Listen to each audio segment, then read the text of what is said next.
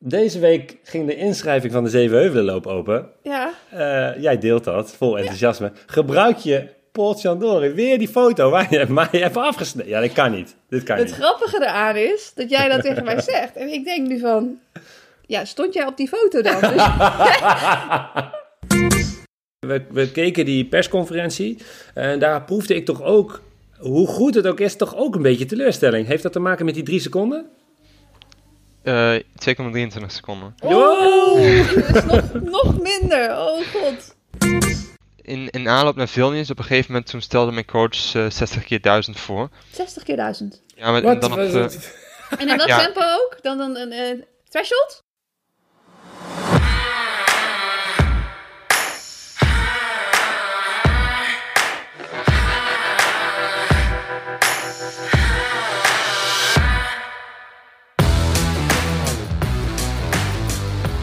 Welkom bij de tiende aflevering van Naar de Vaantjes, een podcast over hoe jij jezelf kunt uitdagen alles uit het hardlopen te halen. We hebben het over onder andere training, motivatie en wedstrijden. En soms dwalen we een beetje af naar koffie.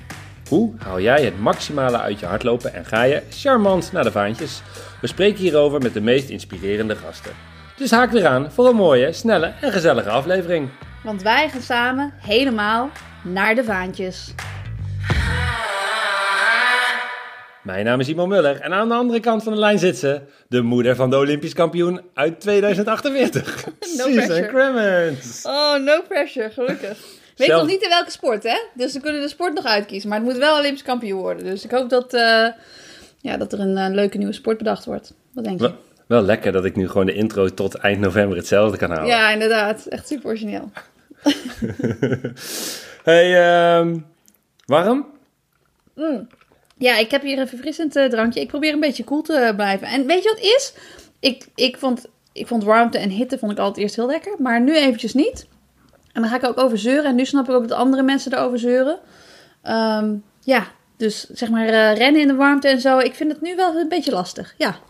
Ja, ik, maar ren je dan extra vroeg of extra laat of pas je Ja. je ritme niet op aan? Nou, dat, dat wil ik dus wel. Maar eh, als ik dus niet vroeg kan rennen en als het dan smiddags nog te warm is, dan ren ik dus op een dag gewoon niet. Of dan ga ik naar binnen en dan ga ik toch gewoon op de loopband lopen. Op de loopband? Ja, zelfs op de loopband. Dus ik kan wel lopen. Maar ik moet zeggen dat ik nu, omdat ik probeer niet te veel impact te doen, dat ik het dan ook wel sneller ga afwisselen met, eh, met eh, gewoon een cross trainer of zo, weet je wel. Dus dat ik dan niet impact doe. Maar dat ik dan inderdaad lekker binnen naar de gym ga. Ja, een beetje, ja. Nu al, en het is pas juni. ja, wordt wat. Ja. Maar Nee, goed, ik ren nog wel. Dus dat is het goede nieuws. Het Oh, is nieuws goed. is dat als ik buiten ren met Andrew, dat hij nu inmiddels officieel sneller is. Dus dat is... eh, dat Ah, lekker voor hem toch een keer. ja, ook wel leuk. Laten we gewoon even genieten. Precies. Ja. Jij nog veel gerend? Eh, ja, eh, nou, ik, gisteren best wel vroeg, maar vandaag, eh, ja, ik kan zeggen dat, ik, dat het niet kon, maar kan natuurlijk wel, maar dan ontbreekt het gewoon aan discipline. Daar komt het eigenlijk op neer. Ja, dus ik liep- of nee, je vond slaap belangrijker. Dat kan natuurlijk ook. ja, ik dacht dat was zeker waar. Ik vond slapen belangrijker. Ja. Mo- mooi omschreven. Dus ik liep om 11 uur. Ehm, was wel warm, maar nee, ging eigenlijk wel goed. Dus ik denk dat ik al geacclimatiseerd ben. Ja. Ehm, en wat ik nu altijd doe, is eh, koud douchen. ja, oh, dat is ook wel lekker. Lekker verfrissend. Ik, ik Ja. deed dat eh, in Australië deed ik dat best wel veel trouwens. Als dan eh, middag, toen nog middagduurloopjes deed, dan was het natuurlijk altijd gewoon keiheet. Had je van die dagen van 40 graden. En dan, als je dan om half zes nog gaat lopen, dan is het nog steeds eh, gewoon best wel warm. En dan ging ik ook koud douchen. Maar wat ik dan deed, dan ging ik dus eerst, want dan had ik eerst krachttraining en dan een duurloop. En dan ging ik een lekkere shake maken met eh, bijvoorbeeld bessen, een beetje, een beetje eiwitpoeder en zo, mijn herstelshake. En dan deed ik de shake and shower. Dus dan nam ik de shake mee in de douche. En dan ging ik daar de shake opdrinken onder de koude douche. En dat was echt super verfrissend, inside en out. Ja, Wij, wij doen eh, de, de... Ik heb geen hippe naam, maar wij Geen doen... de- and wij doen gewoon een koude douche en daarna een, eh, een, een, een lekker kopje cappuccino in de zon. Oh joh, en dan weer warm. Dus een contrast. Ja, dat kan natuurlijk ook. Ja. Ik, weet- ik weet niet of het goed is, Je maar... kunt altijd, je kunt er altijd een hippe naam voor bedenken ja, natuurlijk. ja, ga ik over nadenken. Maar het bevalt in ieder geval goed. Ja, nou fijn. Hey, wat is de langste afstand die jij ooit achter elkaar gelopen hebt? Ja. Ik word al moe bij de gedachte. Ja, kijk, volgens mijn horloge is het langer dan wat ik ooit gelopen heb. Want ik heb hem wel eens aan laten staan als ik ging rijden. niet, op, niet op Strava gezet trouwens. Dat was wel, eh, wel netjes van me.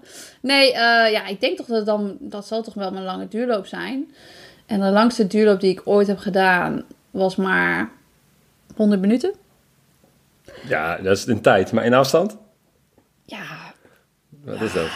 Weet ik niet. Dan moet ik echt gaan opzoeken, joh.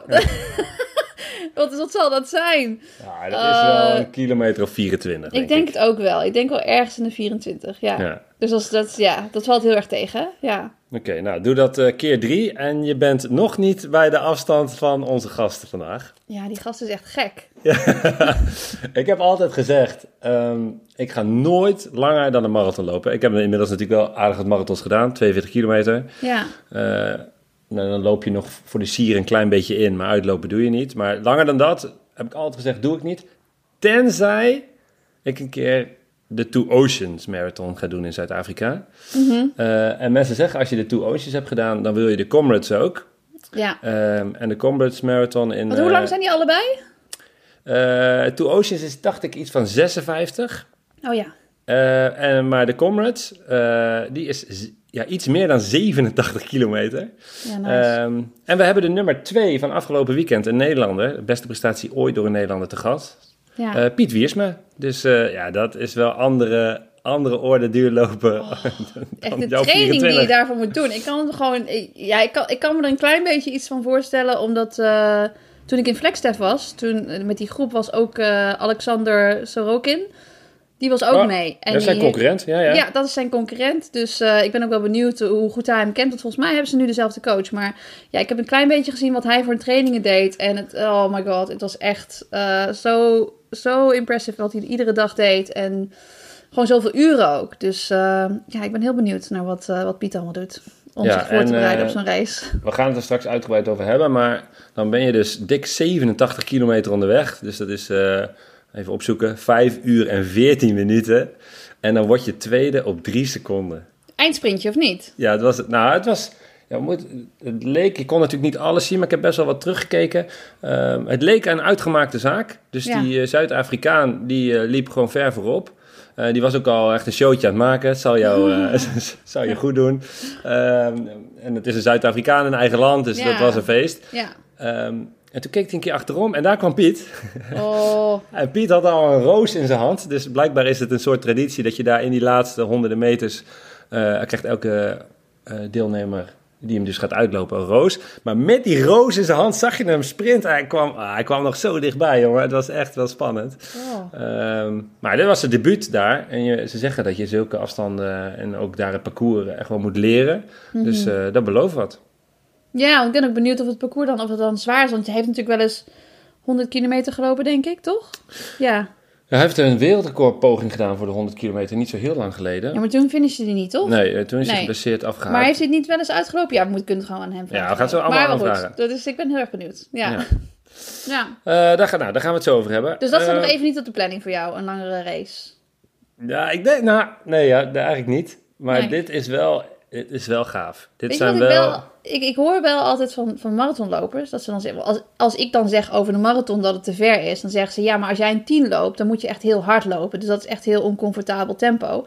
En als je een marathon loopt, dan kun je een stuk rustiger. Dus dan is het comfortabeler, dus dan is het niet zo erg. Want de eerste helft, dan ga je toch nog niet zo kapot. En misschien werkt het ook wel een klein beetje zo voor ultrarunning. Maar goed, Ja, maar je hoort ook wel eens, je hoort ook wel eens verhalen over die ultra's, dat je, dat je aan het eind een soort van gaat hallucineren. Dat je allemaal, dat je zo kapot bent, dat je, dat je gewoon allemaal dingen ziet die niet Hmm. Komt zijn. alle jelletjes, volgens mij. Het is veel Ah. suiker. Hij zag er wel scherp uit. En ook eh, zijn interview eh, direct na de finish en ook met persconferentie. Ja, volgens mij eh Ja. het allemaal nog wel goed op een rijtje. Maar goed, we gaan het er straks allemaal vragen. Ja. Heb, je, heb je nog verder iets leuks gedaan de afgelopen weken? Wat het delen waard is? Of ben je helemaal aan het... je, je, hoe noem je dat? Eh, nesteldrang? Nee, hoe heet dat? Kinderkamer eh, op orde maken? Eh, nou, nee, dat is, zit ik nu. Dat is nu de podcaststudio. Dus, dus ik weet niet hoe we dat straks gaan doen. In Nesteldrang daar heb ik echt nog geen tijd voor gehad. Druk met werk. en als ik vrije tijd heb, dan een beetje rennen. En ook wat meer pilates. Ook wat meer pilates om alles een beetje sterk te houden. Zodat ik kan blijven rennen. Ja. Dus dat heb ik weer even een beetje Maar dat zag ik op je, op Ja. gram, hè? Dat zag ik Ja. op de- Op de Ja. gram. Ik heb het even op de gram gezet. Oh, trouwens, weet je wat ik ook op de gram zag? Maar wat zag je nog meer op Ja, de dan heb gram? je me, voor de tweede keer heb je me dat geflikt. Oh, Eh, toen jij eh, een paar maanden geleden Run Brave lanceerde, jouw, eh, Ja. jouw coaching site, Ja. Ehm, er staat een hele mooie foto op van de Zevenheuvelenloop. En daar heb je mij vakkundig afgesneden. Vond ik niet leuk. Maar Ah. Nee, goed, nee. hè, dat is een keuze. Deze week ging de inschrijving van de Zevenheuvelenloop open. Ja.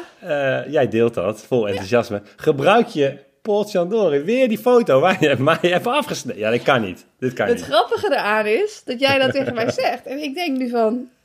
Ja, stond jij op die foto dan? Dus, jij bent meteen al, toen ik die foto als eerste heb ontvangen, heb ik er meteen gewoon een vierkantje van gemaakt. Want het was een liggende foto. En jij weet wat ik van liggende hardloopfoto's vind. Die moeten, die moeten staan, die Ja. foto's. Nou, ik had gewoon dichter, ik, ja, ik had er gewoon Ja. dichterbij moeten lopen. Dan word ik Ja, gewoon dat dubbel denk ik ook. Want ik wist dus niet dat je in die groep zat. Ja, jammer. Ik, eh, ik ga het nog een keertje misschien delen. Waarom ik het deelde trouwens, is omdat ik natuurlijk een persoonlijk programma voor mensen maak voor de Zevenheuvelloop. Dus dat is wel leuk als mensen zich daar nou voor willen inschrijven. Dat kan. Nog steeds via de link in mijn bio. Dus dat Ja. mag. Ja. Ja, mag je gewoon, eh, mag je gewoon reclame van maken. Dat ga ik gewoon zeker doen.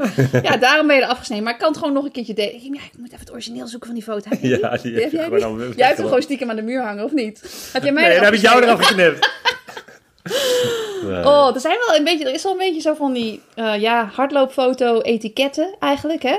Dus dat je dan, als je bijvoorbeeld een, een foto plaatst, als je samen met anderen traint, dat je dan niet een foto plaatst waarbij een ander er bijvoorbeeld heel slecht uitziet. Bijvoorbeeld echt in zo'n downface. Weet je Ja. dat je er dan wel eentje moet kiezen. En als je dat dan niet doet, dan, dan ben, je niet echt, ben je niet een echte hardloopvriend. Bedoel je dat ik gewoon heel, dat ik echt heel slecht uitzag? En dat Waarschijnlijk ik wel. Ik, ik hoop dat ik het origineel zie dat ik denk, oh, ik heb iemand eigenlijk gewoon gespaard. Nou, bedankt man, bedankt. Ja, ik vind, ik vind over etiketten van foto's, ik vind altijd dat je de eh, fotograaf moet vermelden. Ik, eh, Ja. ziet heel vaak zie je mensen prachtige foto's van zichzelf en dan, Ja, ja, dat heeft ook iemand gemaakt. Dus Ja, eh, shout-out naar alle waar. goede sportfotografen. Ja. Maar goed.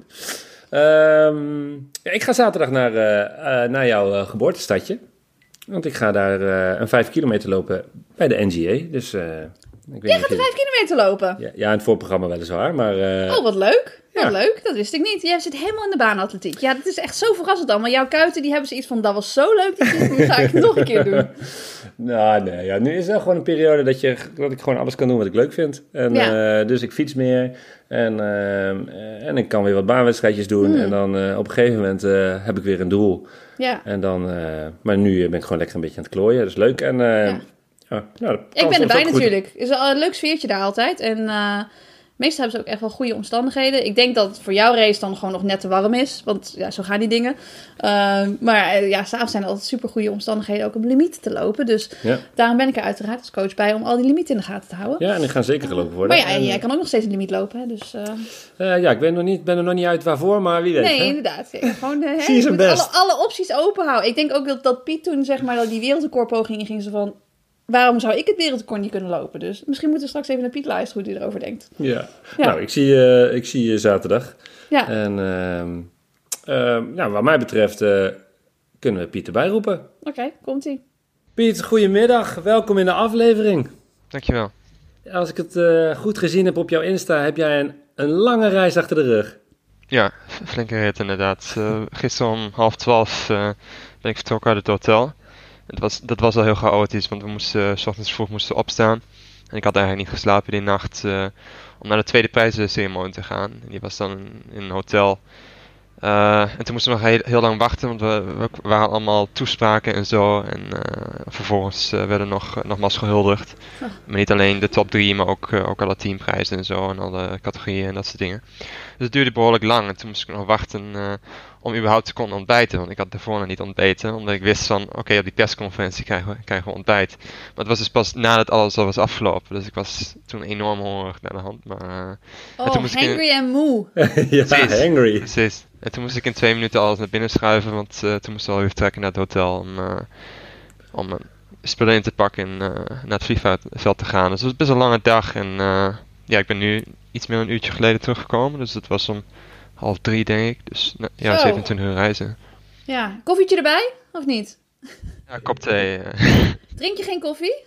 Eh, ja, soms. Nee, ja, meestal op de universiteit eh, gewoon espressootje, dat soort dingen. Oké, nee, ja, het is niet de belangrijkste vraag, maar het is wel een vraag die gesteld moet worden. Want Ja. ik kan me niet Nee. voorstellen dat je zoveel kilometers loopt en geen koffie drinkt, namelijk. Dat is het eigenlijk. Nee, ik hou erg van koffie, maar ik, ik loop meestal niet op koffie. eh, ik bedoel, ja, ik, ik drink vaker thee, gewoon, omdat, gewoon puur omdat het eh, wat langere boost geeft, heb ik het idee. Ja. Ook voor de studie vind ik dat fijner.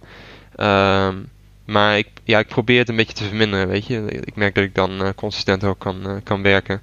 Ja. En dat heb ik wel nodig op het moment dat ik ja, voor zowel sport als studie alles, alles wil leveren. Dan moet ik echt wel mijn, mijn dagen indelen, zeg maar. En ik merk dat het makkelijker is op het moment dat ik niet altijd veel koffie neem. Dan slaap ik ook beter en dan uh, heb ik gewoon elke dag een beetje een vergelijkbaar energieniveau, zeg maar. Ik vind het wel heel interessant, even tussendoor, dat hij dan zegt dan de thee, dat geeft niet zo'n hele erge boost. En wij zijn natuurlijk heel erg van koffie erin, enorme ja. boost, een duurloopje van 45 minuten knallen. oh, geen energie meer. Ik ga nu een dutje doen. Weet je? En, maar jij gaat natuurlijk gewoon lekker uren lopen. Maar goed, uh, straks meer details daarover. Maar ja. Uh, ja, heel interessant. Want Piet, ik wil het even hebben over wat jij op Strava heel mooi morning run hebt genoemd. Casual. dat, was een, dat was een morning run van meer dan 87 kilometer, uh, 5 uur, 14 minuten en 1 seconde.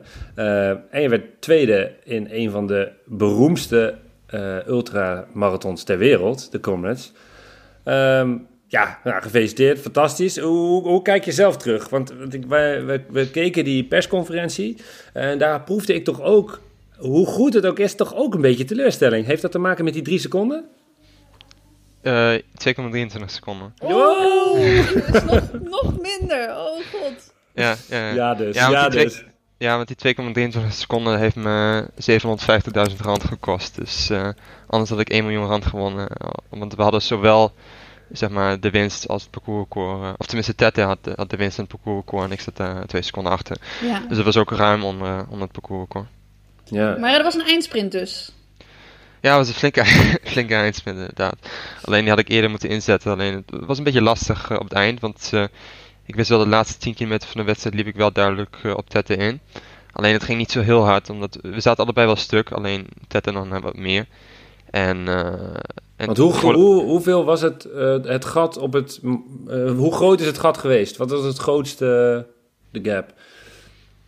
weet ik niet. hij was, hij was ook telkens nog wel in zicht, zeg maar. Maar ver weg, dus... ja, het zal, zal, zal, geen kilometer zijn geweest, maar ik weet niet, tussen de 600 en 800 meter, denk ik. Hmm. En hoe kom je dan in zo'n wedstrijd? Loop je dan best wel snel alleen? Of hoe, gaat dat? Ik, ik... Nee, nee, totaal niet. Uh, nee, ik bedoel, het, was echt, het is echt enorm, uh, deze wedstrijd. En dat, ik, bedoel, ik wist van tevoren van het. Conrad staat bekend als de grootste ultramarathon ter wereld. Uh, alleen, je merkt pas hoe groot het is op het moment dat je in Zuid-Afrika bent. En dat, dat, begint al de dagen van tevoren. Ik bedoel, dan wordt alles al dan bereidt het land zich zeg maar al voor hierop. En ik bedoel, de hele wedstrijd wordt, wordt live uitgezonden mm-hmm. op nationale tv. En uh, bijna iedereen kijkt. En, en ik bedoel, nu kon ik, kon ik bijna niet het vliegtuig doorkomen, of het vliegveld doorkomen. Gewoon puur omdat ik met iedereen op de foto moest. Omdat ik een beroemdheid ben in één keer in Zuid-Afrika. Alle Zuid-Afrikaanse fans erbij. Ja, precies. Mooi. Uh, een stuk, stuk meer dan, uh, dan in Nederland in ieder geval. Ja. Maar, maar ja, en de, en de wedstrijd zelf reflecteert dat. Ik bedoel, het is ja, het, het, was, het was voor, de, voor de start was het al, was het al heel bijzonder. Want uh, ja, de wedstrijd is dus van Pietermaritzburg naar Durban. Mm-hmm. En vol, volgend jaar is het andersom. Dan gaat het parcours omhoog. En dit jaar was het parcours omlaag. En dat heet dan omlaag. Maar goed, dat uh, is niet precies omlaag. Maar goed, dat leg ik later nog wel uit. Alleen Pietermaritzburg is, is gewoon een dorp. En Durban is een enorme stad. Dus, uh, dus dat zijn wel twee verschillende dingen. En omdat ik nu voor een elite team liep, voor, voor Netbank, uh, hadden ze allemaal hotels uh, geregeld en zo. En ze hebben al voor de komende drie jaar hebben ze gewoon al hot hotelreserveringen zeg maar, voor deze wedstrijd. Maar het zit gewoon direct vol, weet je. Want, want ze Mhm. hebben iets van, geloof ik, 1900, uh, van 1900 mensen ruimte in Pietermaritzburg in de hotels. En het is een wedstrijd met 20.000 deelnemers. Dus voor de start merk je al van, uh, we moesten al een soort van sluiproute hebben naar de stad, zeg maar. Uh, en, en, op tijd vertrekken, zeg maar. En uh, in, in onze busjes. En dan ook nog zorgen dat we die, die route reden met, met niet meer dan een meter tussen, tussen de busjes door. Zodat er geen auto's tussendoor kunnen komen. Zodat we allemaal tegelijkertijd op, uh, op het stadhuis, ja, op het stadhuis wow. kon, konden aankomen. Het is echt een avontuur om überhaupt bij de start te komen. Ja, inderdaad. Maar het is dan een enorme groep, weet je. Eerst, eerst loop je met 100 man en dan uh, nou, een aantal kilometer later, dan wordt het ongeveer 60, zeg maar. En die groep van 60, dat is echt bij elkaar gebleven tot, tot 50 kilometer in de wedstrijd ongeveer. Uh, dus, dus ja, dat, dat is gewoon heel groot. En ja, we noemden die groep de trein. Want, want ja. dat, zo werkt het ook gewoon. En, en, ik wist ook gewoon van tevoren, mijn, mijn taak was heel simpel van, blijf gewoon bij die groep. Eh, want dat loopt veel efficiënter. En maak je, maak je zet niet te vroeg. Want ik voelde me heel makkelijk, heel go goed tussen 40 en 60 kilometer. En het voelde veel te traag op dat moment. Want we gingen best wel veel omlaag. En ik loop goed omlaag. En Mhm. eh, we waren een beetje aan het vertragen. Eh, maar ik wist dat het te vroeg was voor mijn set. Dus dat heb ik toen ook nog niet gedaan. Wanneer pas- heb je dat wel gedaan dan? eh, 60 kilometer. Maar dat, dat- en dat was dus ook mijn plan van tevoren. Van ik maak mijn zet op 60 kilometer. Want het heet dus het parcours omlaag. Maar het is dus... eh, eigenlijk, je hebt enorm veel hellingen omhoog ook. Eh, ja, want je klimt nog steeds. ja, precies. Want tussen de start en 60 kilometer, die zijn op dezelfde hoogte. Dus daarna pas eh, begin je grotendeels omlaag te lopen. En dan nog heb je best wel flinke hellingen omhoog op sommige plekken tussendoor. Wat op de verkrampte benen wel een aanslag is natuurlijk. Maar goed, toen, toen werd, me- werd de set dus al voor me gemaakt. Want Tette en Edward, die dus respectievelijk 1 en 3 werden. En nog twee van de andere gasten van ons team. Die liepen ineens op eh, drie minuten de kilometer weg van de groep. Zo. Ehm, en dat was dus, eh, na- natuurlijk was het hard en het was oncomfortabel. Mhm. Maar ik, ik wist ook van, ze doen dit gewoon puur om een psychologische tik uit te delen Ja, aan, aan de rest van het veld. ja, precies. En, en om, om, ze, om ze kwijt te raken. En op dat moment, ik denk bij 60 kilometer, misschien 30, 40 man nog in de groep. En dat is toen volledig opengebroken, zeg maar. Hey, en ik, we hadden het er net in de intro even over. En dan moet je even uitleggen. Want jij was dus aan het sprinten om nog eh Tette te achterhalen. En die was al aan het vieren. Eh, maar dat deed jij volgens mij met een roos in je hand. Of hoe, hoe, hoe, hoe, is het- hoe, kwam die in je hand? Ja, Comrades is een wedstrijd van, van heel veel traditie. Ik bedoel, het is, eh, het is niet alleen de grootste ultramarathon ter wereld en de meest competitieve ultramarathon, maar het is ook de oudste eigenlijk. En, ehm, en ja, ik bedoel, de Roos is gewoon onderdeel van de competitie, want het, het, het finisht altijd in een stadion. Of in ieder geval eh, de downcourse eh, die we dit jaar, dit jaar liepen. En, ehm, en ja, op het moment dat je, dat je stadion binnenkomt, ik bedoel, het is natuurlijk al idioot, weet je. Je je denken op het moment dat je Durban al binnenloopt, dan, dan staan er zoveel mensen langs de route dat het gewoon continu overdovend is, zeg maar. Mhm. En eh, ik bedoel, het hele parcours, dat, dat is al bizar, weet je. Van, het is een parcours van 88 kilo- kilometer van punt tot punt. Maar langs vrijwel het hele parcours staan gewoon mensen. Of in ieder geval in het eerste gedeelte op, op sommige plekken staan gewoon heel veel mensen, weet je. Dan soms eventjes twee kilometer niemand. En dan heb je weer een verzorgingspost met heel veel mensen en eh, wat dan ook. Maar in Durban is het nog totaal anders. En, en dus het finisht in het stadion. Eh, en dan loop je nog 300 meter ongeveer over het gras. Dus je hebt, eh, je hebt nog een paar bochten die je maakt. En bij de binnenkomst van het, eh, van het stadion, dan krijgt de top 3, in, ieder- of, ik denk, nee, top 10 denk ik, eh, krijgt allemaal een roos. Alleen eh, mijn roos is direct na de finish is, eh, is vernietigd. eh. Maar je hebt hem wel meegenomen naar de finish.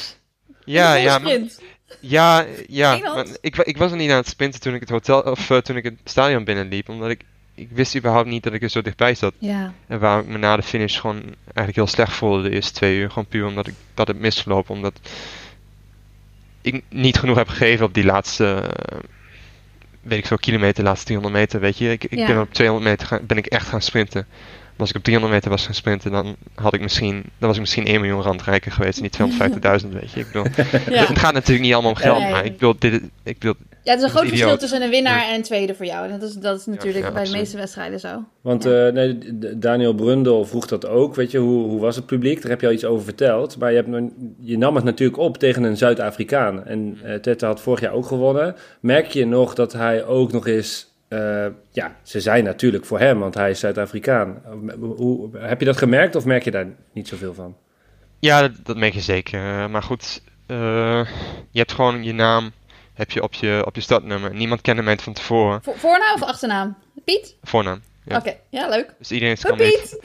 Dat, Go, dat go, is het inderdaad. Van, van niemand kende mij voor de, voor de finish. En de, we hadden de twee dagen van tevoren hadden nog een grote persconferentie. En eh, daarvoor was ik wel uitgenodigd, maar ik werd niet geïnterviewd. Ja. Ja, gewoon de underdog.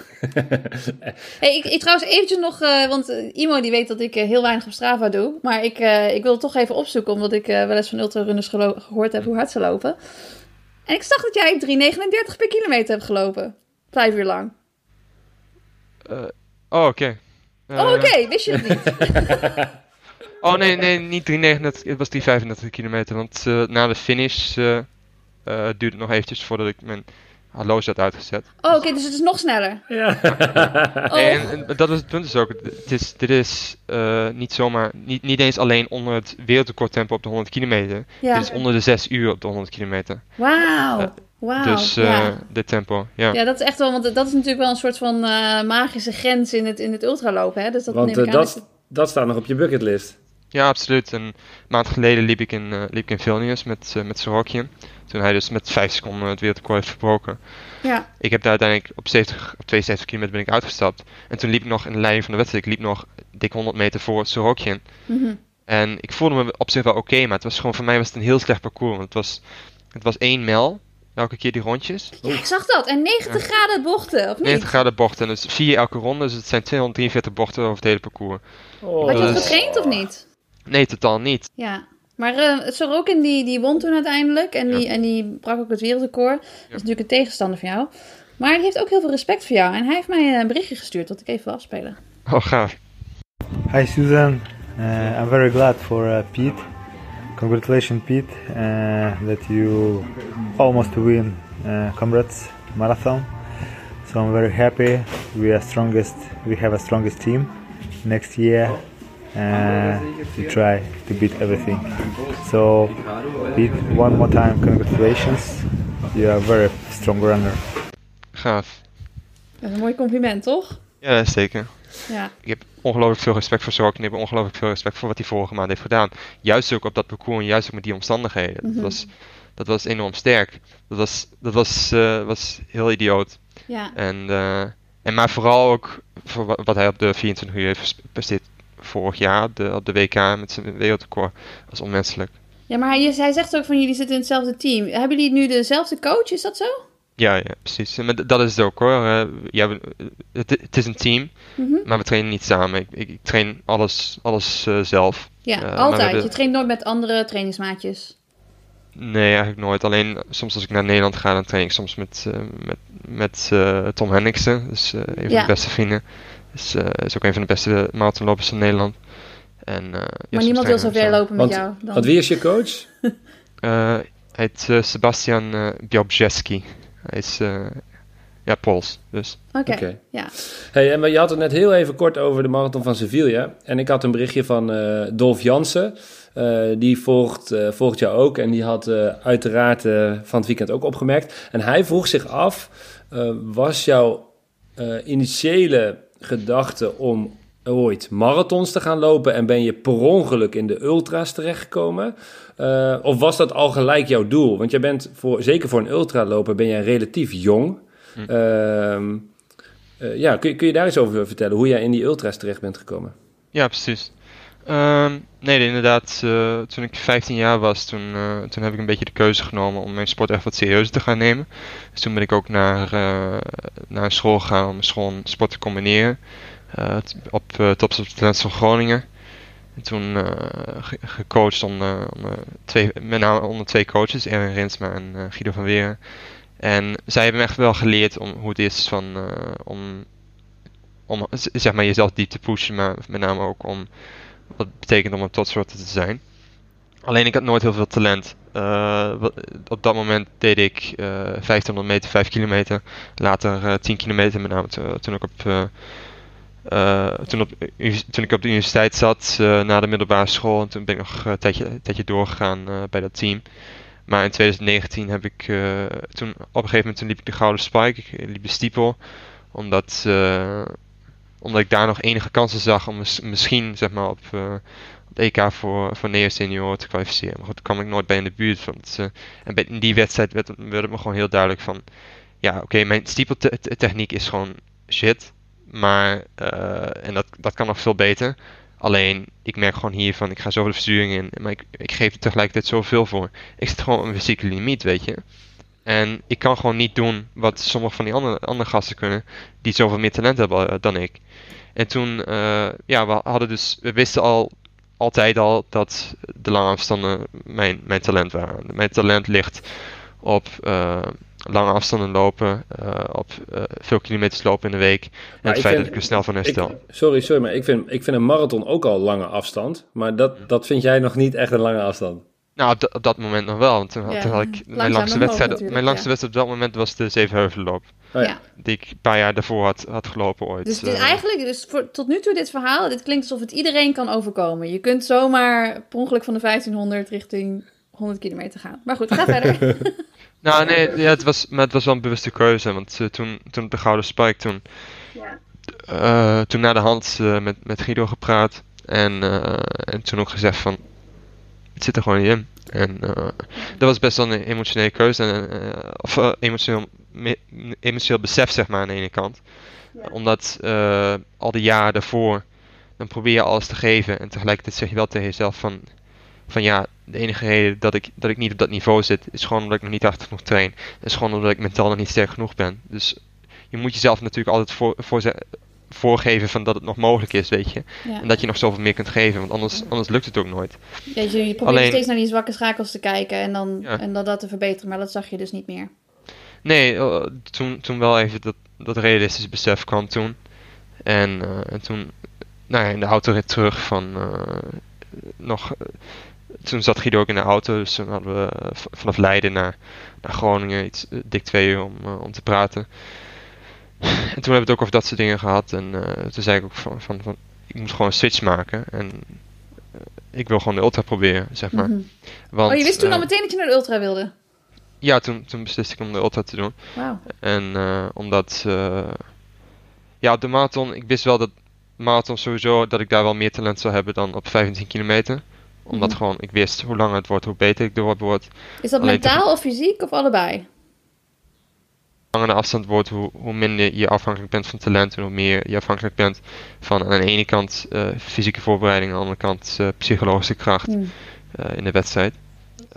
Dat is ook talent, hè? Dat je trainbaar bent. Dat je dus een training load aan kunt. Ja, maar dat is... Dat, Jij noemt dat geen talent, maar Nee, ja, nee, goed. dat ook talent. Natuurlijk, in zekere zin is het talent dat ik een gezond lichaam heb en dat ik, dat ik herstel van Ja. training en wat dan ook. Maar uiteindelijk komt het aan op een opbouw. Ik heb ook, ook serieuze blessures gehad en zo. Ik bedoel, dat, kijk, maar het, het feit inderdaad eh, ja, dat je trainbaar bent, dat is, dat is een vereiste in zekere zin.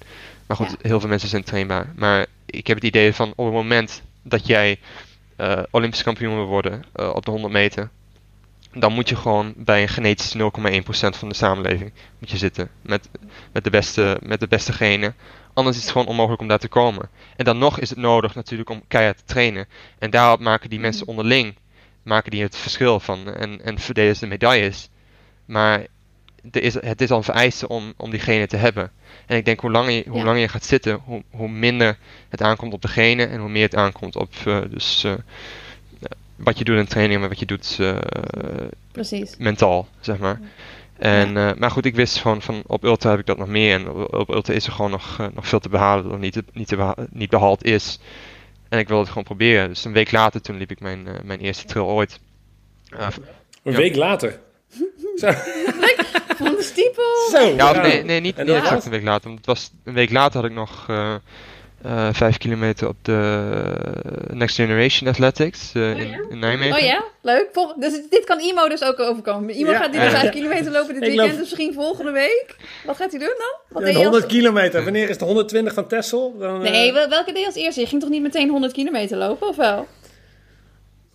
Ging je serieus meteen Oh 100 nee, nee, kilometer nee. nee. lopen? Eh, nee, dus, dus de week, la, de week na de, naar Leiden of, eh, liep ik dus in Nijmegen, de 5 kilometer.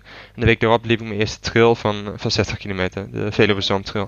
En die won ik toen direct. Ja. eh, en, eh, en toen dus ook besloten, oké, over anderhalve maand wil ik wat groters proberen. Dus toen ben ik naar de Zuid-Duitse Alpen gegaan. Dat was dus een wedstrijd door de Alpen van Duitsland en Oostenrijk. En ik had totaal geen bergvoorbereiding, maar ik, maar ik merkte toen Mhm. al van, oké, op de afdalingen loop ik gewoon zo hard in op de groep. En op de, op, de, op de vlakke stukken ben ik gewoon zoveel beter. Waardoor ik uiteindelijk toen, toen daar ook de winst heb gepakt. Terwijl het een, maar dat was toen op dat moment ook veruit de pijnlijkste wedstrijd voor mij ooit. En dat kwam van, kwam van heel Ja. diep. En ik wist ook totaal niet wat ik van mezelf kon verwachten. Maar goed, dat was wel weer een beetje een andere, andere, andere, bev- andere bevestiging. En toen een maand later, toen liep ik mijn eerste 100 kilometer in Winschoten. Ja. En hoe ging die toen? Maar toen was ik derde van Nederland geworden. Maar goed, dit is nu een tijd van 7,39 geloof ik. Bedoel, dat, doe je nu in de training. Ja, dat zou ik in de training kunnen doen. Ik bedoel, ik, ik, ik loop geen 100 kilometer in de training, maar goed, het, ik bedoel, het, ik. het zou een jogtempo zijn in zekere zin. Ja, ja. Hey, en wij begonnen deze aflevering met... eh, ik vroeg ook aan Suzanne wat haar langste duurloop ooit was. En, We eh, kwamen uit op 24 kilometer. Ja, Ja, ik wist het niet zeker. Ik heb het niet echt bijgehouden. Het is niet de moeite waard, hè, met die afstanden. en die van mij is 42. Is die van jou dan 100? Of heb je al langer gelopen dan dat? Mm, Aan één Ja. stuk door dan, hè? mm, Want misschien doe je wel intervallen zo. nee, wel ik niet. 100. eh, ja. Ja. En dat is ook jouw max? Of, of, of denk jij ook nog aan nog langere eh, wedstrijden? Ik denk wel aan nog langere wedstrijden maar in, maar in de toekomst. Ik bedoel, ik kan nu ook wel beslissen van oké, ik ga over twee maanden 24 uur wedstrijd lopen. Ik bedoel, kan, kan allemaal Mhm. fysiek wel, maar ik heb er totaal geen interesse in. Want ik weet gewoon nu, eh, ik ben nog jong en dat is ook gewoon een voordeel, weet je, in de, ze- in de zekere zin van, er is nog zoveel marge voor mij. En ik bedoel, ik heb, eh, ik heb drie trainingen aan specifieke voorbereiding gehad voor deze wedstrijd, afgelopen zondag. En ik was de snelste debutant aller tijden. En Hoe ziet zo'n specifieke eh, tra- training eruit? Daar ben ik echt Mm. benieuwd naar. Ja, eh, ik verbaas me over dat je dat niet op straal hebt gezien trouwens. Nee, maar Nee, ik heb er heel snel Nee, gekeken. nee. Ja. als je dus twee weken terugkijkt, dan zie je dus, Mhm. eh, ik heb dus drie trainingen gedaan en dat is op een, eh, op een heuvel slash berg. Evening, evening Mm, jog. Ja. Eh, aan de andere kant van de rivier. Mm, d- Mhm. Dat is een heuvel, dat, eh, midden daarop staat de basiliek van eh, Superga, van, van Turijn. En dat is eh 500 meter hoger. Dus Turijn ligt op 200 meter en dat ligt op 700 meter. En dan liep ik hem dus eh, zeg maar vier, over 4 kilometer 500 meter omhoog, over de trails. En dan direct zonder pauze daar naar beneden. Dat is dan 4,8 kilometer over, over de weg. En vervolgens pakte ik nog eh, 2 kilometer, of eh, 200 meter aan vast om 5 kilometer te doen. En dat, dan, dat deed ik dan Mhm. drie keer in een training. Maar dan echt, echt hard pushen op, eh, da- daar naar beneden. Of tenminste hard rollen Ja. in zekere zin. En toen, Oh, echt naar beneden hard? ja, want het was ja, Om je quadriceps te loaden, ja, zeg het was, maar. het, was, eh, het voornaamste doel van die trainingen was om het voor te bereiden op, eh, op de afdalingen. Eh, dat was het belangrijkste. Ja. En dat was ook het, het lastigste van, van dit parcours. De, eh, niet, niet, niet, de beklimmingen, maar de afdalingen. En, eh, en dat was achteraf ook heel belangrijk. Maar je kunt je wel voor, voorstellen dat het wel een heel riskante training is. Eh, aan de ene kant Ja. omdat er auto's rijden, weet je. Dus moet je, continu moet je gewoon 100% gefocust zijn. Maar voornamelijk ook omdat het gewoon heel blessuregevoelig is. En dat Ja. was ook gewoon, ik wist ook gewoon dat ik daar een risico nam. Van je kunt zomaar in één keer, in, in één keer een, een pees of een spier scheuren. Of, wat, of zelfs iets breken of wat dan ook. Maar dat is, wel, dat is wel echt die conditionering van het lichaam. En dat vind ik wel interessant, want uiteindelijk is het, dat is niet, niet extreem veel volume. Maar als je inderdaad het opvangen van je klappen niet gewend bent in een training, dan kun je ook niet verwachten dat je er goed mee om kunt gaan in een Nee, race. inderdaad. Maar ik merkte toen ook wel van, nou ja, dat deed ik dan drie keer, zeg maar, achter elkaar. En Ja. na die derde, dan heb je eigenlijk het gevoel wat je ook hebt aan het einde van een ultrawedstrijd, van een hon- 100 kilometer eigenlijk. Dus dat, dat was wel een, best wel een mooi besef, want toen dacht ik me ook wel van, Ja, dit zou eigenlijk wel een ideale training zijn voor van 100 kilometer, ook al, ook al is het vlak. Gewoon Mhm. puur omdat je dan kunt leren om door die kramp heen te pushen en zo, en dat soort dingen. Alleen, heb je... een- Oh, sorry. Nee, alleen, alleen de afdaling ging gewoon zoveel makkelijker dan verwacht. En ik heb die training drie keer gedaan. Mhm. En bij de eh, tweede en derde keer heb ik er daarna nog eventjes 7 kilometer aan vastgeplakt. Om dan 40 kilometer vol te maken, zeg maar. Want het waren rondjes van 11 kilometer elke keer. Mooi rondgetal. Ja, precies. eh, dan, dan voel je... Ik heb het opgezegd. Ik heb het opgezocht. Het is 40. Ja, ja, dan, dan voel je in ieder geval dat je, dat je iets hebt gedaan. Anders, anders is het natuurlijk... Ja, oh, ja, dat, Ja, ik, ja. ik ken het. Ik ken het Ja. idee. Ik ken het idee, maar dan gedeeltelijk, zeg Ja, maar. precies. Hoeveel, hoeveel paar schoenen gebruik je in de maand? Want ik weet dat je maar zoveel kilometers op schoenen kunt lopen en zo. Ja, ik weet dat je niet extra Ja, maar ik, ga- ik, ga daar, ik ga de IEO's ver overheen. Maar goed, dat is me altijd al gezegd. Van, Ja, eh, ja. Je loopt veel te lang op je schoenen. Maar goed, ik wissel mijn schoenen wel heel veel af. Ja. Ehm, dus het is niet dat ik op één paar schoenen ineens eh, dat dikke blessures van krijg. Maar ik, ik loop wel duizenden kilometers op, eh, op een paar schoenen, weet je. Ik bedoel. Mhm. Wat is je favoriet? Ja, sorry, zit ik nu allemaal vragen te stellen van de luisteraars? Ik weet het niet hoor. Nee. Favoriet? ik bedoel, bedoel, momenteel de Vaporfly en X% 3. Gewoon puur omdat daar heb ik mijn wedstrijd op gelopen. En dat is, dat is gewoon de lichtste, snelste schoen momenteel. Ja. Ehm, maar ik weet, weet ook niet of jullie dat weten. Nee, want na de finish waren die schoenen ook helemaal bebloed bij de, bij de. Want ik, had, Oh. ik, ik draag graag korte sokken. Nee, niet enkelsokken. Ja. Dit is, dit, atleten die ik coach, het is dus verboden hè, om enkelsokken te dragen, om die reden. Ja. Moet je Achillespees beschermen. Eh, Serieus? Je hebt enkel Nee, ik, ik had altijd gewoon moeten, moeten intapen, die Achilles eh, van Oh. tevoren, daar had ik niet aan gedacht. En dan op 20 kilometer dan voel je dat even en dan denk je van, ja, dat, eh, dat is wel stuk straks na de wedstrijd. Maar goed, het staat, en, dan, en vervolgens vergeet je dat, weet je, want de wedstrijd, in, of de, de pijn in de wedstrijd zelf is van die afdalingen en weet ik veel wat, dat is veel groter dan die Achilles. Dus op, dat, dat voel je al heel snel, voel je dat niet meer. Mhm. Maar die schoenen zijn nu wel flink bebloed, ja, bij de, bij de, bij de Ja, enkels. Dus je hebt een nieuw paar nodig, dat is duidelijk. Nee, ik blijf, nog wel tempotraining oplopen, maar eh we de volgende wedstrijd, ja, daar heb ik weer een nieuw paar nodig. Ja. Kijk, vorig jaar bij de WK, toen was ik twee maanden van tevoren, was ik al flink geblesseerd. Twee maanden Mhm. van tevoren had ik een dubbele Achillespeesblessure opgelopen. En een maand van tevoren een stressfractuur in mijn kuitbeen. Een kleine, kleine stressfractuur. Wauw, ja. En daar moest ik dus co- continu nog mee doortrainen.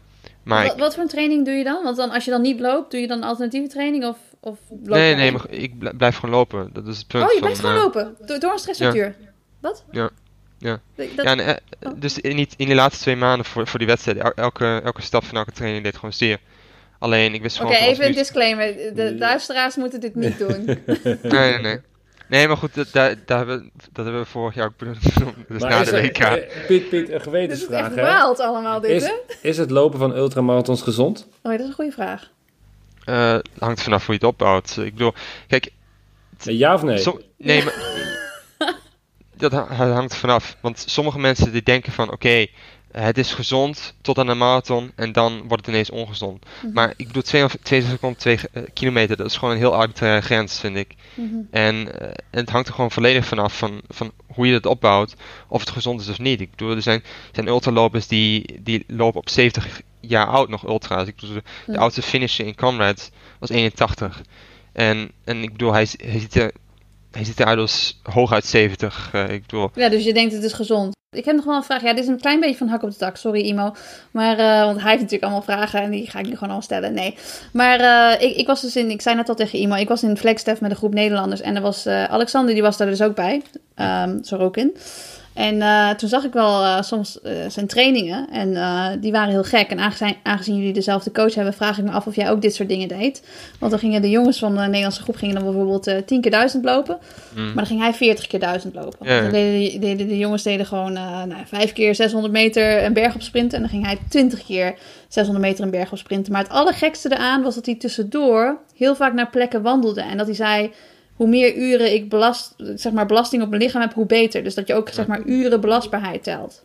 En dat komt weer een beetje terug naar een oude gast, eh, Louis Delahaye, die ook zei, je moet je uren tellen. Doe jij dat ook? Heb je ook extreem lange trainingen en dan dat je dan tussendoor eigenlijk ook geen rust pakt? eh, nou, ik, ik heb in, in aanloop naar Vilnius, op een gegeven moment toen stelde mijn coach eh, 60 keer 1000 voor. 60 keer 1000. Ja, maar en dan op, En in dat Ja. tempo ook? Dan dan een eh, threshold? Ja, dan, dan op tempo 3, dan op tempo 330 zeg maar, dus dan net onder, onder wedstrijdtempo. Ik zeg van, ik heb, ik heb echt, om 330 te lopen heb ik echt geen rust nodig na elke 1000. Dus ik zeg van, het lijkt me beter om 3 keer 20 te doen of 6 keer 10 op dat tempo. Dus dat heb ik toen ook gedaan. Van, eh, en ik heb ook, ja, ik heb andere trainingsfilosofie dan Sorokin. Ik train volle- volledig anders, want Sorokin maar uiteindelijk doe je wel dat volume dan dus. Als je toch. Nee, nee, nee. 3 keer nee. 20 doet. Ja, in een training wel, maar weekvolume lijkt... Ik doe niet eens de helft van wat Sorokin doet. Ja. Dus jij bent eigenlijk de sprinter onder de ultrarunners. Nou, vergeleken met Sorokin is iedereen een sprint. dat is flauw.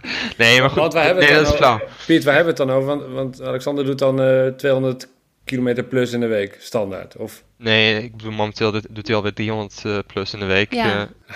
Ja, nee, maar die was altijd aan het rennen hoor. Maar is serieus, toen we in Amerika waren, daar heb je dus, als je op stage gaat, heb je een auto nodig. Maar hij dus niet, want dan gingen we Nee, dus naar de baan om hordes te doen. En dan liep hij daar langs de weg en dan gingen wij die hordentrain doen, deed hij ook nog mee. En dan gingen wij nog even naar de winkel even wat halen en dan reden we weer terug. En dan liep, zagen we hem langs de weg weer gewoon 15 kilometer teruglopen. En dat was dan de middagtrain, terwijl hij 's ochtends ook 40 kilometer had gerend. Dus toen pas dacht ik, want ik heb eigenlijk ultrarunning nooit, nooit echt gevolgd, omdat zeg maar de wedstrijden zelf, daar, daar is gewoon eigenlijk veel te weinig aandacht voor. Dus dat is heel moeilijk te volgen. Maar toen dacht ik wel van, nou, wat je, wat je in zo'n race stopt, dat is zo interessant. En dat verhaal, dat moet gewoon verteld worden. Zeg maar, ultrarunners moeten gewoon documentaires krijgen, omdat dat leven, dat is gewoon, ik vind dat zo bijzonder. Ja, nee, goed, sowieso, ik begrijp dat gevoel dat je hebt bij autowedstrijden. Bij de meeste wedstrijden is dat ook zo. Maar je moet eens een keer naar, naar UTMB gaan of, of naar de, naar Ja. Marathon. Want het, in Comrades, het deed me nog het meest denken aan, aan de Giro hier. ja, wanneer, wa- wa- wa- welke- wanneer zien we jou weer met een startnummer op de borst? Ja, want... dus inderdaad- weg. Het, ja, het grootste doel is, is dus inderdaad volgend jaar. eh, het- nou ja, het doel wat nu het meest speelt in mijn hoofd is volgend jaar uh, Comrades. eh, 100 kilometer. Of, eh, sorry, Comrades om, om dat te winnen met een nieuw parcoursrecord. Eh tegelijkertijd willen we ook, eh, gaan we ook komend jaar weer een eh, nieuwe poging doen onder de 6 uur. En ik ben Weet je, al waar dat, weet je al waar je dat gaat doen? Nee, nee, nee, maar dat, dat gaan, we, gaan we weer iets plannen met het team. Maar nu echt wel op een, op een beter parcours. En ik heb er ook volle overtuiging van eh, dat ik onder de 6 uur loop. Want Mhm. Kijk, het, het klinkt, het klinkt heel stom, maar vergeleken met wat ik afgelopen weekend heb gelopen op dat tempo, stelt het wereldrecord 100 kilometer eigenlijk niet zo heel veel voor. Nee. Ik bedoel, het is, het is nog steeds hard en het is nog Een steeds, stukje verder, maar dat is, ja. ja, een stukje, een stukje verder, maar goed, het, het is, het is zo'n zwaar parcours, weet Ja. je, Comrade, dat moet je niet onderschatten. Hmm. Het is, het is, die heuvels zijn enorm. Maar nu op de korte termijn, eh, ja, ik had eerst wat trails op de planning eh, met 6.000 à 7.000 euro aan uh, prijzengeld voor plek 1. eh, dat is op zich wel interessant, weet je. Ehm, maar ik overweeg nu ook om eh, misschien over, eh, over een paar maanden gewoon eh, nog een wereldrecordpoging op de 100 te doen. Ik weet niet of ik dan al voor de 6 ga, maar, maar wel gewoon om het wereldrecord aan te scherpen. En gewoon puur voor eh, publiciteit en voor, voor sponsoren, denk ik. Eh, maar dat, dat, dat heb ik zeker in me. En, eh, en ik merk nu ook van, hier ga ik gewoon echt wel snel van herstellen. Want ik, ik ben al best wel aardig hersteld. Ja, van die mentaal wedstrijd. ben je er klaar voor, dus dat Ja, is... ik hoor eh, het. je- bent En weer mentaal hungry- zeker, hungry inderdaad, dus, eh, goals. Dus, eh, Hey, ehm, eh, gezien de tijd, ik wil nog één slotvraag, Suus. Nee, ja, twee. Ik heb er twee. Ja, ik heb eigenlijk nog drie. Maar dat is, ik ga dan, dan ga ik even altijd eentje af. Ja. Oké. Nou, één vraag die ik heb is... Want ik hoorde bij de collega's van Looppraat dat je zoiets zei van... De meeste hardlopers die gaan uiteindelijk in een wedstrijd langzamer lopen. Niet vanwege de pijn in de benen, maar de emotie die ze aan die pijn koppelen. Hm. En dat jij dan... eh, ja, ik ben het ten eerste helemaal mee eens. Maar eh, dat jij ook zei van... Ik gebruik meditatie Hm. eh, om daarmee om te gaan. Heb jij een tip voor onze lopers? En kun je heel kort even vertellen wat je dan precies doet, wat jou helpt? Ja, nee, gewoon, kijk, het is gewoon puur van, me- meditatie is gewoon een zekere mindset als het ware, denk ik. Mhm. En op het moment dat je dat, ik doe het minstens 10 minuten per dag, zeg maar. Ik zorg er gewoon voor dat ik het elke dag, elke dag doe. Van, echt, als je, als je alle voordelen van meditatie wil krijgen, dan moet je dat gewoon dagelijks doen op een constante basis. En vervolgens kun je dat, kun je dat toepassen in, in de wedstrijd. En dat is, is een beetje anders. Kijk, in de meditatie volg je, volg je de aanhaling, zeg maar. En in, in de wedstrijd eh, kun je op andere dingen letten. Maar het punt is gewoon dat je Mhm. Één punt hebt om naar te focussen. En dat je niet continu speelt met, met van hoe, hoeveel heb ik al gehad, hoe ver moet ik nog gaan. Ja, Omdat dat is gewoon overweldigend in een ultra. En je wil gewoon consistent blijven. ja, Dus, dus inderdaad, je, ja, je kunt op je pasritme letten of, of een banaal ja. taakdoel of zo. Eh, of op je tegenstanders. En wat ik ook in, in de interviews, in de persconferentie zei afgelopen weekend van... ehm, dit was eigenlijk mentaal was het mijn makkelijkste ultra ooit. Gewoon puur omdat je zo hebt neergesleept in die, in die groep. Dat normaal gesproken op, op een ultra waar niet al te veel eh, deelname is, of publiek of wat dan ook. Dan zit je gewoon continu in je hoofd, weet je. Mhm. continu gewoon van oké, ik moet dit lopen, ik moet dit lopen, ik moet dit lopen. En Ja, nu kun je gewoon in een ritme gewoon meelopen. ja, inderdaad. En je, Mm. je wordt automatisch al meegesleept op het moment dat je fy- fysiek sterk genoeg bent. En dat je niet te veel stoms doet. En dat je je, verzorging eh, eh, consistent krijgt. Wat voor mij nog wel een punt was. Want ik heb vijf van mijn acht flesjes gemist tijdens de Mhm. wedstrijd. Dus ik, we, we, voor Kijk, netbank... er zit er ook nog gewoon verbetering in. Dus dat is Ja, absoluut. Want voor netbank kregen we, kregen we acht flesjes aangereikt. Of zouden we acht flesjes Ja. aangereikt krijgen.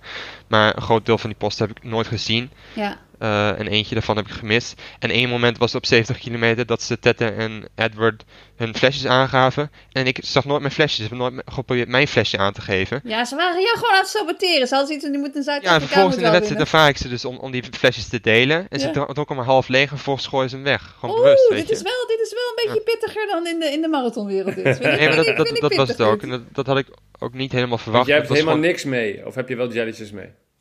eh, nee, nee, ik had voor de eerste 20 kilometer had ik jellies mee. Want de En netbank Haribo was- biertjes ook, of niet? Nee, nee, nee. Oh. Nee, nee, maar nee, kijk, kijk de, de verzorging bij Conrad is, wel, is best wel behoorlijk. Maar ik moest gewoon, juist omdat ik elke keer mijn flesjes miste, moest ik gewoon volledig zeg maar, uit, die, uit die isotone drank van, Mm. van Conrad moest ik, moest ik mijn energie halen. Dus ik was continu aan het drinken. Ja. Eh, en dus drie keer mijn eigen flesjes. Nou ja, goed, dan had ik van tevoren wel voorbereid dat ik daar elke keer een jetje aan vast had.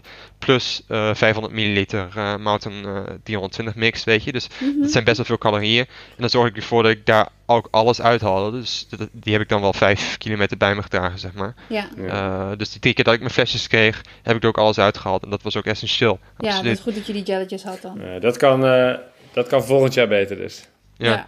Oh, en ik zie nog heel veel, heel veel winst die je kunt boeken. Ja. Ja, je, wordt niet, je wordt niet alleen Zeker. eerste daar, je gaat ook gewoon weer het uh, parcoursrecord breken natuurlijk. Ja, dan heb ik Ja. toch één vraag. En die vragen we aan iedere gast. Want eh, ja, ik weet niet of je weet, maar de naam van deze podcast is dus Naar de Vaantjes. Dat is helemaal naar de tering gaan. Ergens in, in training of een race. Ja, wat is jouw beste Naar de Vaantjes verhaal? Best een. poeh. Ja, I mean, ik bedoel, eh, vorig jaar op de WK, dat, dat was gewoon. Dat was mijn pijnlijkste wedstrijd ooit. Dat was mentaal de zwaarste wedstrijd ooit. Gewoon, Mhm. Ook omdat die eerste 50 kilometer die voelde zo slecht. eh, dan ben je gewoon volledig ben je zelfvertrouwen kwijt. En, eh, en, en het doet zoveel pijn. Je denkt van, van waarom doe ik dit, weet je? Je gaat toch niks wa- wat, uitkomen. wat deed pijn dan? Want je had kramp? Of, of, Nee, nee, maar gewoon, ik was al geblesseerd voor die wedstrijd. En ik was behoorlijk geblesseerd voor die wedstrijd. En dus, dus ik begon die wedstrijd en het voelde alsof ik al 50 kilometer had gelopen. Ja, Dus, en nou ja, goed, eerst zit je dus wel bij de groep. En dan na iets, na 15 kilometer of zo, toen was het oké, ik, eh, ik laat het maar gaan. En toen gewoon, eh, nou ja, eigenlijk de rest van de wedstrijd gewoon op mezelf gelopen. mhm. Je zit gewoon heel erg in je hoofd. En dat was echt de wedstrijd dat ik, dat ik die meditatieve toestand echt wel had het meest gebruiken. nodig had. Ja. Nee, die gebruikte, dat gebruikte ik dus ook. Want anders, anders had, had ik daar eh, elk moment kunnen uitstappen, weet je. Ja, maar het was ja. gewoon, voor mij was het gewoon geen optie. En toen vanaf 50 kilometer, toen, eh, toen voelde het ineens beter. Toen, toen nam ik een flesje met cafeïne. Want dat doe ik dan vaak, eh, vanaf 50 kilometer neem ik, neem ik flesjes met cafeïne. Mhm. En dan ineens een boost. En tussen 50 en 70 kilometer was mijn makkelijkste moment van de wedstrijd. En toen begon ik ook weer in te lopen op mensen. Dan denk ik van, oké, nou, het is wel een shit race, maar misschien is het, top 10 eh, ik, ik kan er nog wel in zitten, weet je. Mhm. En vervolgens loop ik door en door en door.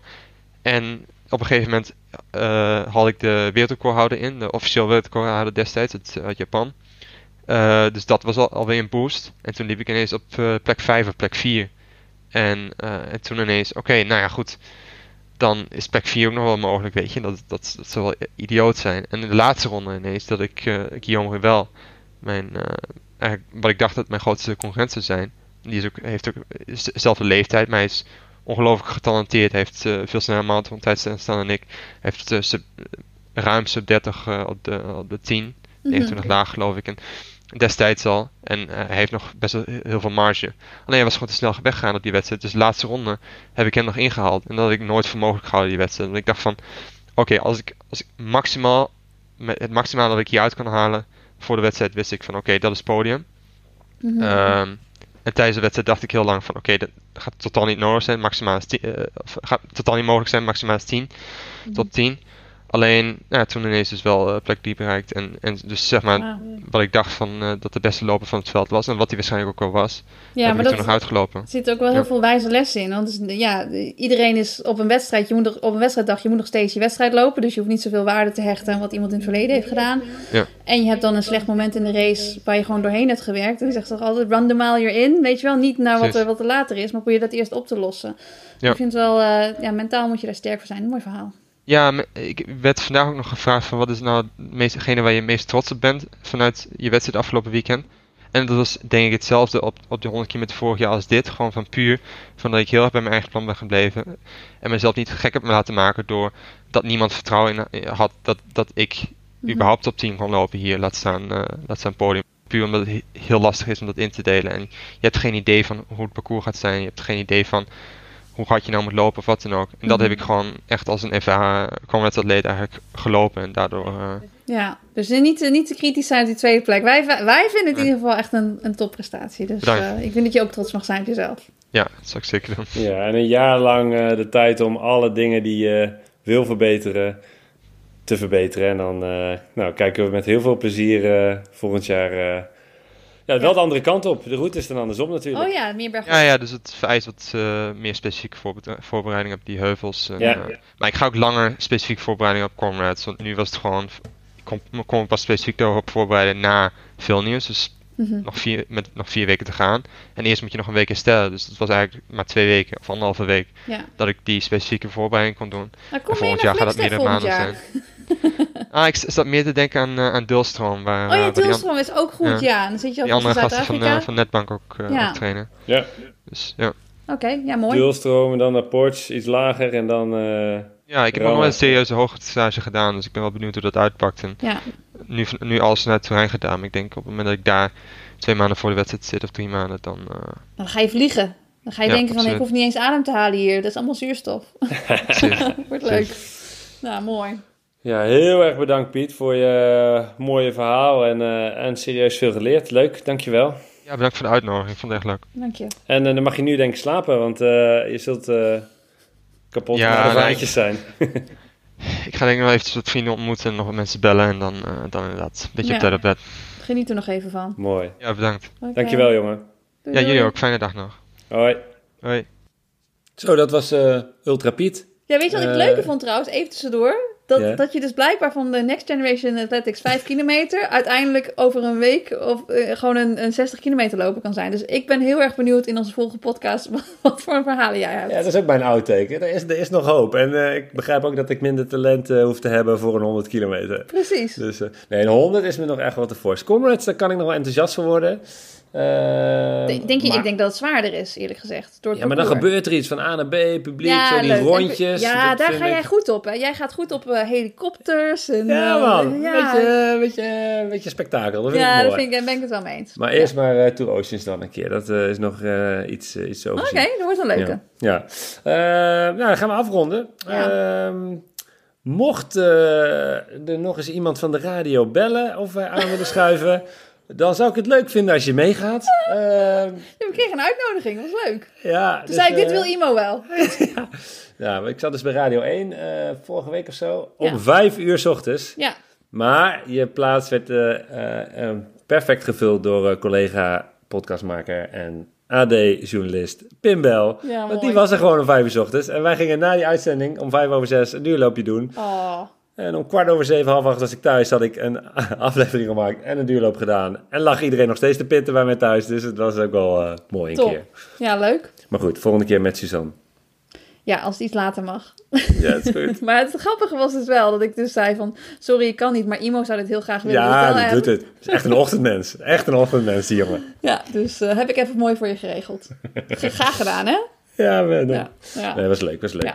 Ehm, en zo zijn we aan het eind gekomen van de tiende aflevering van Naar de Vaantjes. Dank aan onze gast, gast Ultra Piet.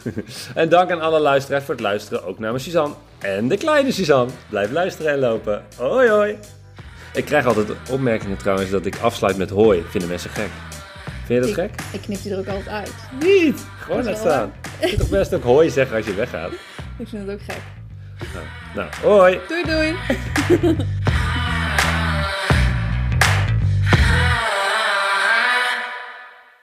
Oh ja, heb je nou een prachtige naar de vaantjes foto van jezelf? Post hem dan met de hashtag naar de vaantjes. Ja, of als je nou op social media een foto voorbij ziet komen van iemand waarvan je denkt, nou, die is echt enorm naar de vaantjes gegaan. Zet de hashtag er dan onder. Of je mag ons ook altijd taggen, naar de vaantjes underscore podcast. Dan kunnen we allemaal lekker meegenieten.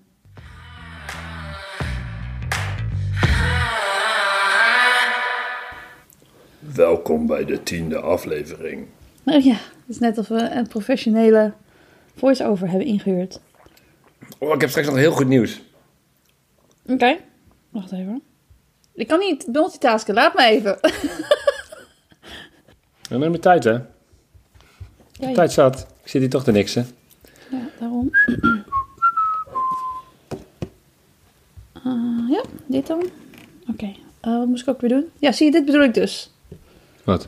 Wacht even. Even luisteren. Kun je het horen? Ja. is geen koffie, hè? Oh, het klinkt toch wel nog steeds lekker verfrissend. Ja. Ik ga even naar de wc. Meen je dit? nee, Oh. natuurlijk. Oké.